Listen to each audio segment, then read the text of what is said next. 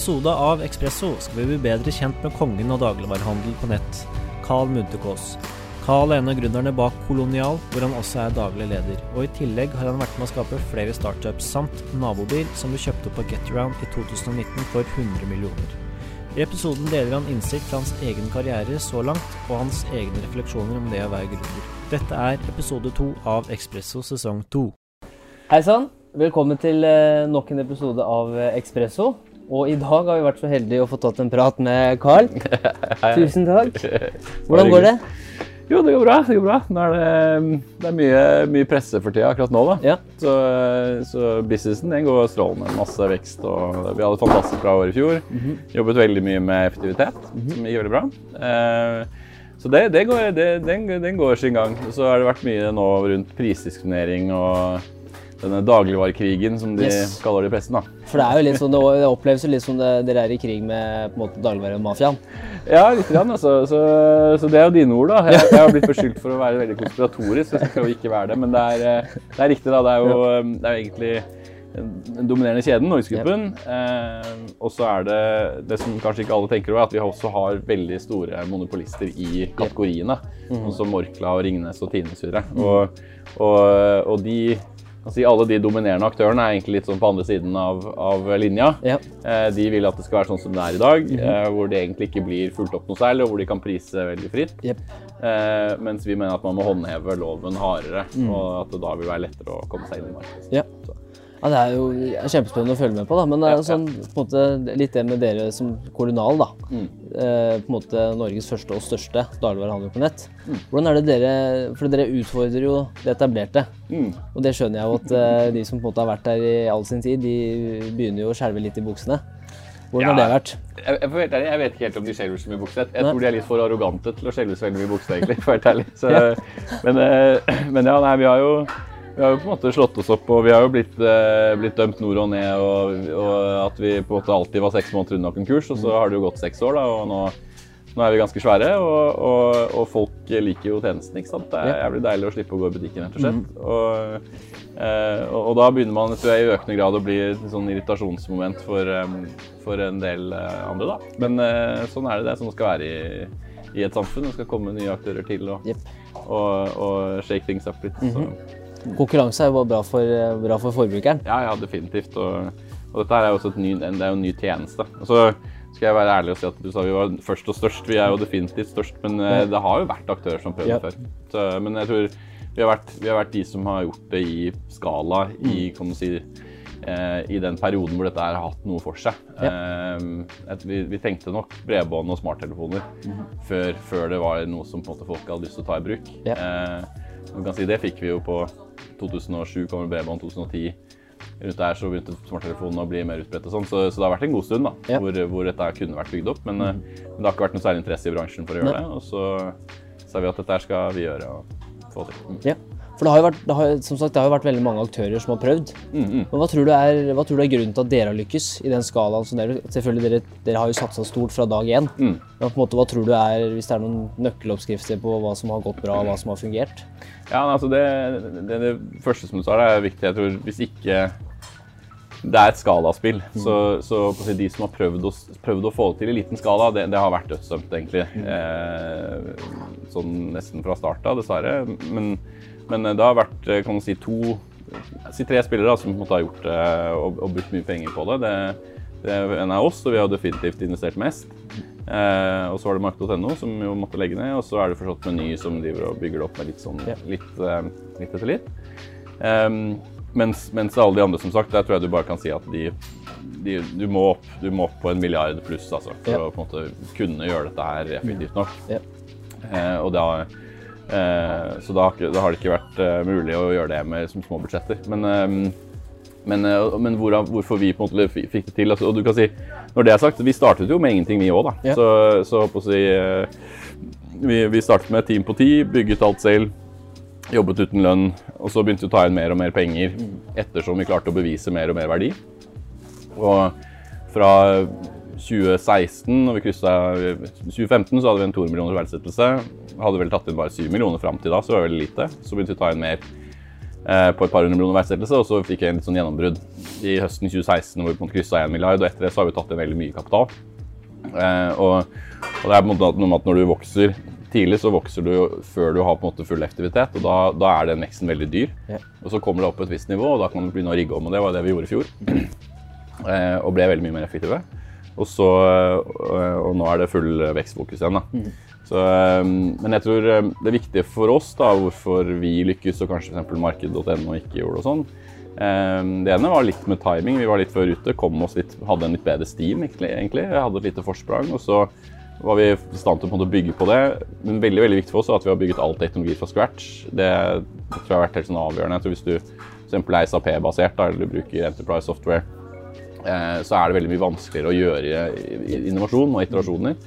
Eh, mens vi har eid liksom hele kjeden selv, så vi har kunnet uh, jobbe med både brukervennlighet eh, og produktet ut mot kunde, men også operasjonen. Ja. Eh, så jeg tror det har vært eh, teknologien, folka, liksom ambisjonsnivået, har vært villige til å satse hardt nok og, og fått investorer med på det. Ja. Eh, og det er jo det vi, vi egentlig prøver å få til, er å bygge en ny retail-infrastruktur. Og det er en ganske svær jobb. Yep. Så, eh, så, men det er veldig veldig gøy. da. Og yep. særlig nå når det går bra, så er det jo skikkelig gøy. Men hvordan var eh, på en måte litt den der, Når man begynner, så hva tenkte dere var dere For dere, det er litt det med skala, Mm. som på en måte man er veldig avhengig av for å lykkes i den, den industrien her nå. Men hva, hva tenkte dere? Var det sånn at vi skal bygge Norges, Norges største varehandel på nett? Var, hadde de ambisjonene for dag én? Var de større, eller var det mer sånn vi ser hvordan det går? ja, det er, jeg vil si liksom begge deler. For grunnleggende da, så, så eh, Grunnen til at vi begynte å jobbe med det sånn i starten Jeg, jeg kommer egentlig fra McKinsey og har liksom en operasjonsbakgrunn. Da, fabrikker, typ, ikke sant. Eh, og også i Schibsted, hvor jeg jobbet med, med den digitale siden av det. Men, men, eh, men før det igjen eh, så, så um, utdanna jeg meg som samfunnsøkonom. Og det var mest det at eh, altså I hvert fall inngangen min, da. Um, den var på en måte at her er, her, dette er så mye, det er så mye ineffektive prosesser her. Og særlig på kundesiden. Sånn, all den tiden du bruker på dette, her er ikke noe eh, lite verdi da, ikke sant? Og, og, og du kan plukke altså Hvis du har en, en ordreliste ikke sant? Når, vi har, når vi får inn en kundeordre, så plukker vi den ufattelig effektivt. ikke sant? Mens, mens folk liksom roter litt rundt i butikken, kanskje. I stedet skal vi bruke nett, liksom nettløsninger og digitale løsninger for å, for å hjelpe folk med å lage handlelister raskt, da, eh, som de er fornøyd med, og, og som gjør at de velger varer de vil ha. og sånn, og eh, på rask, raskt. Um, og det, så det som motiverte meg, var på en måte at denne opprinnelige verdikjeden eh, fra på en måte produsent og til kunden har fått varene hjem på døra, den var veldig ineffektiv fra et samfunnsøkonomisk perspektiv, egentlig. Og da tenkte at dette her er kult, her har jeg lyst til å lage en ny verdikjede som bare er mye mer effektiv. Eh, og, det, og det er ironisk, fordi mange tenker liksom at dagligvare på nett er ineffektivt. Da. Hvorfor, altså, og særlig liksom bedriftsøkonomisk tankegang, nei, men la kunden gjøre jobben for deg. ikke sant? Eh, men, men jeg tror ikke folk er klar over hvor effektivt du egentlig kan gjøre en sånn prosess. For Du har jo nevnt det før, og det med at det må være et problem som skal løses. Mm. Problemet kommer først, og så får Mm. Ja. man bygge det etterpå det rundt. Ja. Det er, også, det er også noe som måte, du har nevnt før i forhold til investeringsfilosofien din nå. da. Mm, At du ser på en måte hva slags altså, produkt og problem de løser, før du ser på teamet. Mm, mm. Hvordan, hvordan har, hva har du lært av den reisen med Kolonial og f.eks. Nabobil òg? Ja, ja. Og på en måte dine andre investeringer senere, da. Ja, nei jeg, jeg, har, jeg har hatt tre startups av Kolonial Nabobil, og så faktisk et som heter Evacuate langt tilbake. Og, den, og det første gikk ikke bra, og de andre to har gått veldig bra. Eh, Og, og det, det jeg har lært av de tre liksom sett under ett, det er viktig, altså når jeg ser på hvorfor gikk de to bra og hvorfor gikk den ene dårlig, eh, så har det veldig mye med nettopp å inne på problemet, egentlig. Altså hvor, hvor stort reelt er problemet. Eh, eh, em, det første selskapet vårt var mer en løsning som lette etter et problem. Og da, det er alltid en, oppover, eh, en kamp i oppoverbakke. For da, for da, eh, da, da har du egentlig ikke en markedspull. Em, og det var det jeg på en måte sa etter at det ikke gikk. Så tenkte jeg at det skal jeg på en måte ikke gjøre igjen. Og, da, eh, og jeg var veldig bevisst på at på Kolonial så var det et veldig tydelig stort problem. Og, og selskapet er altså en, en startup er egentlig en organisasjon designet for å, for å løse store problemer. Eh, og, og man, sant, det, når vi startet Kolonial, så visste vi jo ikke nøyaktig hvordan det kom til å bli. Men vi visste at eh, vi følte i hvert fall at nå hadde vi gode forutsetninger for å klare å utvikle en god løsning. Og det, eh, det er en mye bedre inngang for å lage et vellykket selskap. For da, da, da vet du at du har markedet der. Du har noe kundene vil ha. Og da, da er det nesten måte uunngåelig at du til slutt klarer å iterere deg frem, tenke deg fram til de riktige løsningene på det problemet. Og det er mye, mye mer solid fundament. Da. Hva vil du si har vært de største utfordringene? Eller det, det er vanskelig å pinpointe én selvfølgelig én utfordring, men sånn, på de siste fem-seks åra nå, hva vil du si har vært den absolutt største som på en måte har vært vanskeligst for dere å, å knekke? Det, altså det, det, har vært eh, Det har vært egentlig totaliteten av veldig mange store ting som har måttet løse. Og, og man kan alltid spørre seg sant, hvor, eh, hvor, sannsynlig er det at man er der man er, på en måte, når man går tilbake og tenker på det. For det har vært uten tvil mange mange situasjoner som har vært nære på, på ulike måter. Liksom. Eh, det å lykkes med gründerskap, da, det, det, er ikke liksom en silver bullet. Nei. Det er masse blykuler. Mm -hmm. på en måte. Du må, bare, du må, bare, jobbe deg gjennom det, og du gjør ikke alt riktig, og noen ganger bommer du, og så må du prøve på nytt. og, og eh så, så, det er jo alltid sånn, man kan alltid, man tenker tilbake, så, man tenke, så tenker man kanskje at ja, det var så vidt at det gikk, og sånn, men så er det klart at det, eh, hadde ikke én ting gått, så prøver du noe annet. da, ikke sant? Ja. Så det er mange ting som ikke gikk opp, på en måte, men som ja. du likevel klarer å, å få løst. da. Ja. Eh, så, og igjen, da, så lenge du har det der enorme kundebehovet i bunn, mm så, så, trekker det deg. på en måte. Da, da finner du løsninger. Da, da blir folk med. Eh, da tar andre rundt deg sjanser eh, fordi man som tror på en visjon. Mm -hmm. så, um, så, det har vært kanskje det viktigste. Få folk med på det. Jeg tror også at eh, For deg, da, i forhold til Colonalo, men jeg tror også du, du tør å ta risiko. Og det må man jo selvfølgelig hvis man skal bygge noe så, bygge noe så svært fra dag én. Ja. Men hva tror du Norge tror Er det noe vi kan legge til rette for, for at flere skal tørre å tenke læring framfor de, at de feiler? Jeg tror, jeg, tror, eh, jeg tror, det er utrolig bra det som skjer nå liksom kulturelt. Altså fordi at end of the day, da, hva er det, du, hva er det som kan liksom legge til rette for, for, bra, for bra gründerskap og entreprenørskap i Norge? så er det jo at man, så handler det om mennesker og folks innstilling og folks kompetanse. Eh, jeg, tror vi har fått en, jeg mener vi har fått en fantastisk utvikling på innstillingssida. Fra å være liksom Gründerskap var noe ingen drev med. Eh, og så tror jeg at nå Du sa dette med risiko. Da, så det er jo riktig at en del av dette handler om at man, man, må tørre å ta risiko. Kanskje særlig som liksom personlig risiko. Tørre å ta en jobb som, som du vet kanskje er borte om et år, og så likevel tenke at ikke karrieren din er liksom ødelagt for det. Eh, det er nesten mer det enn en pengerisiko, tror jeg. Men så tror jeg også at altså, Jeg føler jo Det er lett å si litt sånn etter, etterpåklokskap, da, men, men um, det er ikke så mye risiko, egentlig. Altså, så det, er, det, er, noe med at hvis, hvis, du føler at gründerskap er veldig mye risiko, så er det en sjanse for at du kanskje gjør noe feil. Yeah.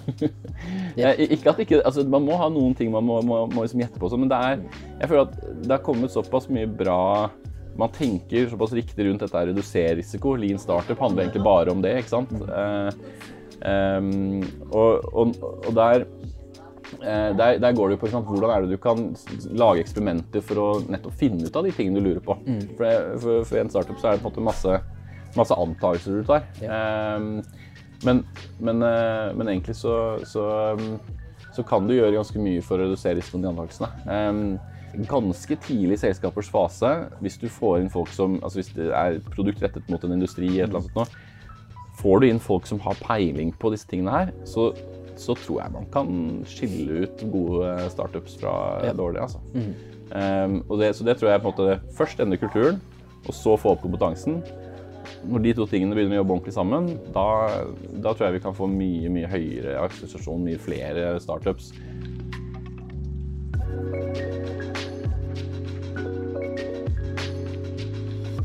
Og hvis vi da går litt lenger tilbake i tid sånn, For det er jo også interessant, eh, det vi ønsker å lære litt mer om, er jo hvem er eh, Carl?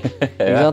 Og hvis vi, da, hvis vi går tilbake hva skal vi si, i begynnelsen av 20-åra Kan vi bare beholde sånn, sånn illusjonen av meg? Illusjon. Hvem var Carl? Hvem var Carl back in the days? Ja, ja. Nei, men sånn når, liksom, Første dagen på, på studiene på Blindern. Ja. Hva var det som hva gikk gjennom huet på den ungkaren her nå som skulle ta verden med storm. Hva, hva var det du tenkte? Sikkert et eller annet uh, neste fest og uh, Gleder meg til fest og, på kroa på torsdag. Og den fine dama på, på kullet, liksom. Yes. Sikkert mer det. Men, Kjenner meg igjen.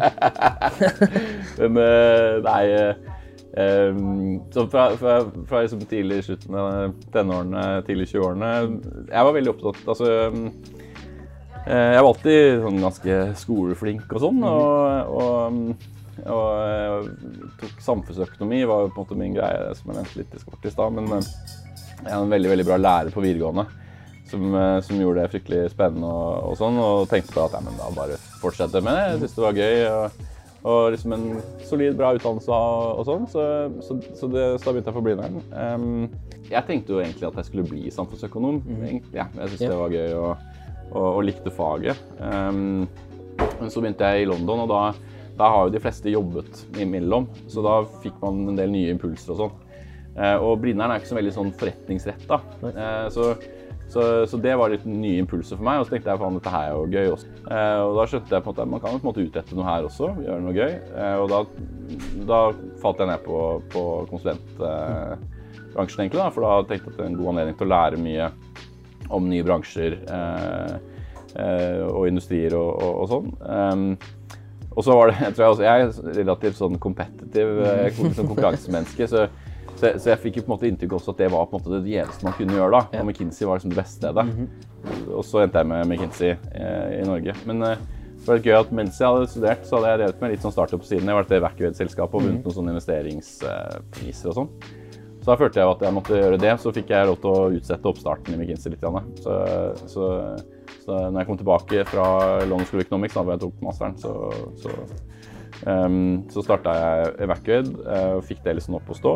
Um, men eh, så, så gikk jeg bare tom for penger. Jeg flytta tilbake fra London med kona mi.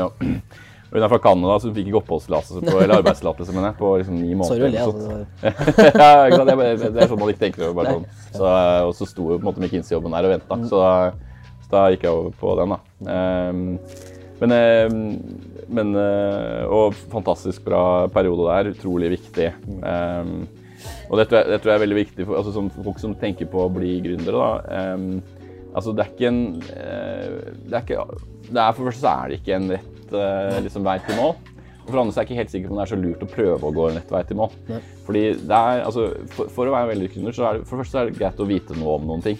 Fakt noe, liksom, noe reell eh, innsikt da, i en eller annen industri eller, eller en eller annen prosess eller et eller annet som på en måte gir deg, en, gir deg, en, gir deg et fortrinn. Um, uh, og det er jo litt vanskelig ofte å vite det man ikke vet. Ikke sant? Så, sånn sett så anbefaler jeg egentlig folk å kanskje jobbe litt og sånn først. da. Ja. Eh, og det andre er at eh, hvis du skal lykkes med det, så er du nødt til å skaffe tro, skape troverdighet. Det er det Ja. viktigste man gjør som gründer, er å få folk med deg. Om det er eh, investorer, eller om det er medgründere, eller hva det er.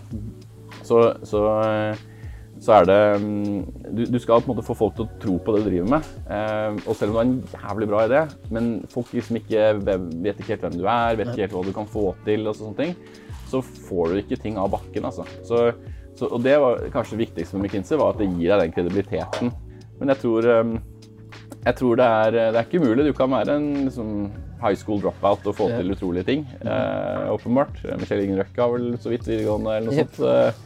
Så åpenbart er det mulig, men da, men da har du i så fall bygget deg opp en troverdighet på et eller annet vis. Ja. Og for meg i hvert fall så var det måte lettest å bygge opp troverdighet eh, den, si, den vanlige måten. Ja. Um, Men du, for det jeg tenkte litt på, var det med eh, Du nevnte den liksom streite veien. På en har- du, måte du har jobba deg oppover. Mm. Og det er, det er, jeg tror det er den historien folk flest kan kjenne seg igjen i. mm, Men det som jeg også merker, særlig i begynnelsen av 20-åra, sånn at de, de har jo veldig lyst til å begynne her. mm, ja, ja, Og det merker jeg veldig sånn, det er veldig sånn, de, skal på en måte redde verden på dag én. ja, ja. Istedenfor å på en måte, okay, på en måte re opp din egen, re opp din egen seng først, og så kan du begynne å Og hvordan har, har du merka noe til det de senere åra? At det er, det er veldig mange som Og det er viktig å ha store ambisjoner, selvfølgelig, men mm. merker du også til det i forhold til måte, ja. Ja, Nei, jeg, jeg, men jeg kjenner meg igjen også. Jeg tror jeg var sånn. Jeg, altså, jeg trodde jo at den første startupen min skulle være en hit liksom, over natta. Og, jeg tror det hjelper å få noen, et par på trynet. da. Ja. Fordi da, da eh, Hvis du utgangspunktet altså Du må ha driv, ikke sant? og du må ha selvtillit. Ja. Eh, hvis ikke så skjer det ingenting. Så det, det, det, det, sånn Hvor kommer så- selvtilliten din fra? Nei, det kan det kan spørre om. Nei, eh, nei jeg, jeg tror Jeg vet ikke jeg er født sånn eller blitt sånn. Jeg, jeg, har alltid følt meg liksom trygg på egne evner. Altså, jeg må innrømme det. Det høres litt arrogant ut. Nei, men det er så- jo det er har jeg gjort det bra òg, så. Mhm. får du liksom bra karakter, og så skjønner du at ja, men ok, da er jeg kanskje ikke så verst, og så liksom bygger seg opp. Men, eh, men, eh, men, eh, men når det er sagt, da, så er det med at du må ha selvtilliten til å tørre å gjøre ting og tenke at du kan få ting, hvis ikke så gjør du det ikke. Men så Men så må du passe på at du ikke, altså, du ikke lar det påvirke liksom, dømmekraften din. Da, mm. sant? At du gjør dårlige valg, eller du, du blir um, bias, da. Altså ja, tilbøyelig, eller du, du, du overser informasjon som ikke passer med virkelighetssynet ditt. og sånn. Og De tinga der, det, det er veldig menneskelig og, og, og, og veldig ofte vanlig i gründere. Fordi, Ja. fordi du må liksom ha den derre eh, det, det, det drivet, da. Eh, mens egentlig så handler det mye om balanse. Ja. Eh, og, og, da, og hvis man er liksom hvis man er av den typen, så tror jeg det er særlig, særlig nyttig å Yep. få sett på en tryne. Så, og det gjør at da tenker du at faen, det, ting kan gå til helvete, på en yep. måte. Eh, og da tenker du litt mer over risiko, litt mer over risikoavlastning eh, og den type ting. Og det som er greia, er at du, jeg tror du, du får bedre dømmekraft med årene. Det sa jeg synd å si det. Hvis noen sa det til meg når jeg var 25, så ville jeg selvfølgelig avslått det. Jeg sa at det var noe tøys. Jeg hadde jo strålende dømmekraft selvfølgelig i utgangspunktet. Men, eh, men eh, du skjønner jo liksom det litt etter hvert. Men du må nesten oppleve det selv, eh, fordi folk sier dette her. Så. Til alle som hører på dette her, så kommer de sikkert ikke til å gå inn til de som faktisk trenger å høre det. Jeg jeg har en seksåring hjemme, og for et par år siden, altså hun var vel kanskje fire eller noe sånt, og så husker jeg hun kom bort til meg og sa liksom triumferende at um, ja, nå, nå visste hun alt. Visste at sjiraffer hadde lang heis, hals, hun visste at uh, fire kom etter tre. Eh, og det syntes hun liksom var nok, egentlig. Og så tenkte jeg bare, det var, et, det var liksom et perfekt eksempel på liksom, altså, på litt den der at det, jo mindre du vet, jo mindre vet du ikke at du vet. Altså, det, er, det, er, det er noe med det der. Så, men så er det noe med at likevel da, så må jeg si at det, de beste altså, sant, Nabil og Kolonial, som, som har mine store ting i dag, det var jo ideer jeg hadde når jeg var typ 28. Eh, 27-28 kanskje. Det er bra da, hvis man måte, både har den kreativiteten og driven som man måte, har i ung alder, eh, og klarer å kombinere det med god dømmekraft. Det tror jeg det er, liksom, det, det er på en måte det, det viktigste. Og så og så er ikke jeg altså, Nå sa jeg, sa jeg at man hadde gode ideer i, i slutten av kjøret. Selvfølgelig får man gode ideer framover også. Um, og det er også ganske viktig. for jeg husker at Noe av det grunnen til at jeg tror vi gjorde noen feil med den første startupen, var at du tviholder litt på ting hvor du hvis, du hvis du tenker at dette her er, liksom, dette er min store idé, da må det liksom lykkes. Ja. Men, men det man ikke vet, at det, du, det er, du har et langt liv etterpå. Du kommer til å få masse andre ideer. Ja. Jeg liker å si eh, altså, Hold on tightly, let go lightly. eh, det er fra en film eh, med Clive Owen som heter Croupier, så går han ut og sier det. Og så, og det, betyr alt og ingenting, egentlig. ikke sant? Altså, yeah. fordi Spørsmålet er når er du skal hold on tightly, og når er du skal let go lightly. Eh, men, men det er der det ligger. Yep. Noen ganger, altså Kolonial er der vi er fordi vi ikke ga oss. ikke sant? Samtidig så vet jeg at det første selskapet vi hadde, det burde vi jo gitt oss på mye før. Eh, og, og det der tror jeg kommer litt med erfaring. Eh, det hjelper om du er sterk analytisk og, og sånt noe. Eh, men eh, ja, litt, litt erfaring i det, så, så tror jeg man kan bli litt flinkere til å se at dette her tror jeg vi bare skal gi faen i. Ja. rett og. Og, jeg tror det er lettere å komme fram til den konklusjonen hvis du tenker på det som at jo fortere jeg gir meg på et dårlig prosjekt, jo raskere kan jeg begynne på et bra et. Yep. Tenk at hver dag som går, hvis du sliter og, og, og, og du liksom ikke no, no end in sight, så, så burde du tenke at hver dag som går nå, så, så er det en dag tapt på mitt neste prosjekt. Da, da tror jeg det er litt lettere å gi slipp på de tingene som ikke funker. Ja. Men sånn i forhold til eh, det å lære av erfaring og lære med årene og sånn, måte når du var yngre òg, da. Eller du er jo fortsatt ung, da, skal ikke, ikke si det. Men, men sånn eh, Hvilke forbilder hadde du? Altså Er det noen som både i nærme kretser eller om det er i de fjerne kretser, eh, altså, som du har fulgt med på fra avstand, er det noen som på en måte har hatt en veldig stor rolle for deg? Ja, jeg har alltid vært drevet av å skape noe. Um, uh, og, og tenke at alt er mulig, er, som en, det er et sted jeg har lyst til å være. Jeg liker å tenke muligheter, jeg liker å løse problemer og sånn.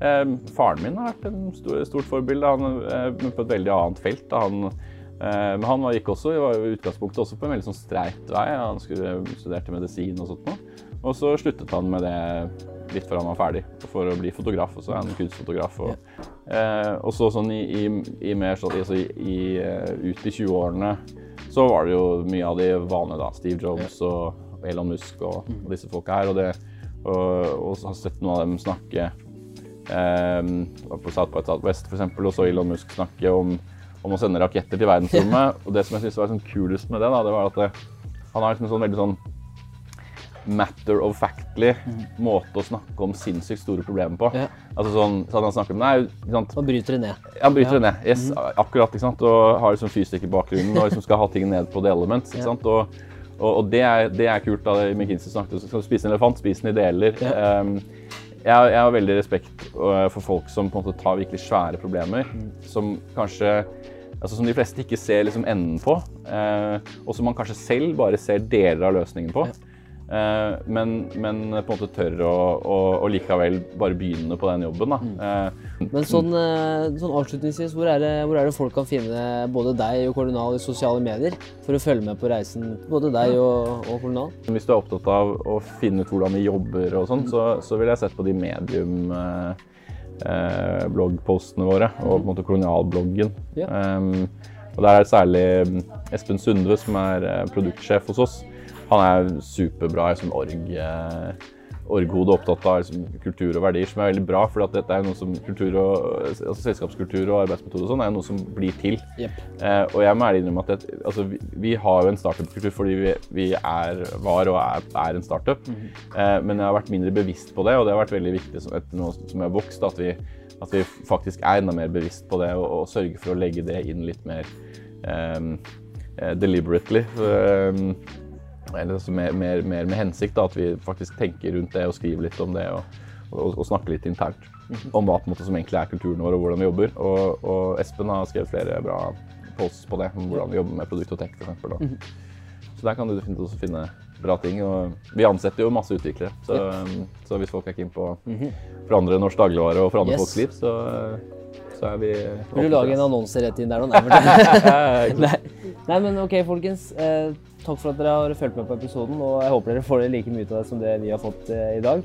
Det er utrolig hvordan man kan gå fra et utgangspunkt med ti gründere til der de er i dag. Nå blir det snart lunsj her, det lukter eh, kjempegodt. Og det ser vi at Carl ser fram til. Så eh, vi snakkes. Takk, Carl. Bare hyggelig.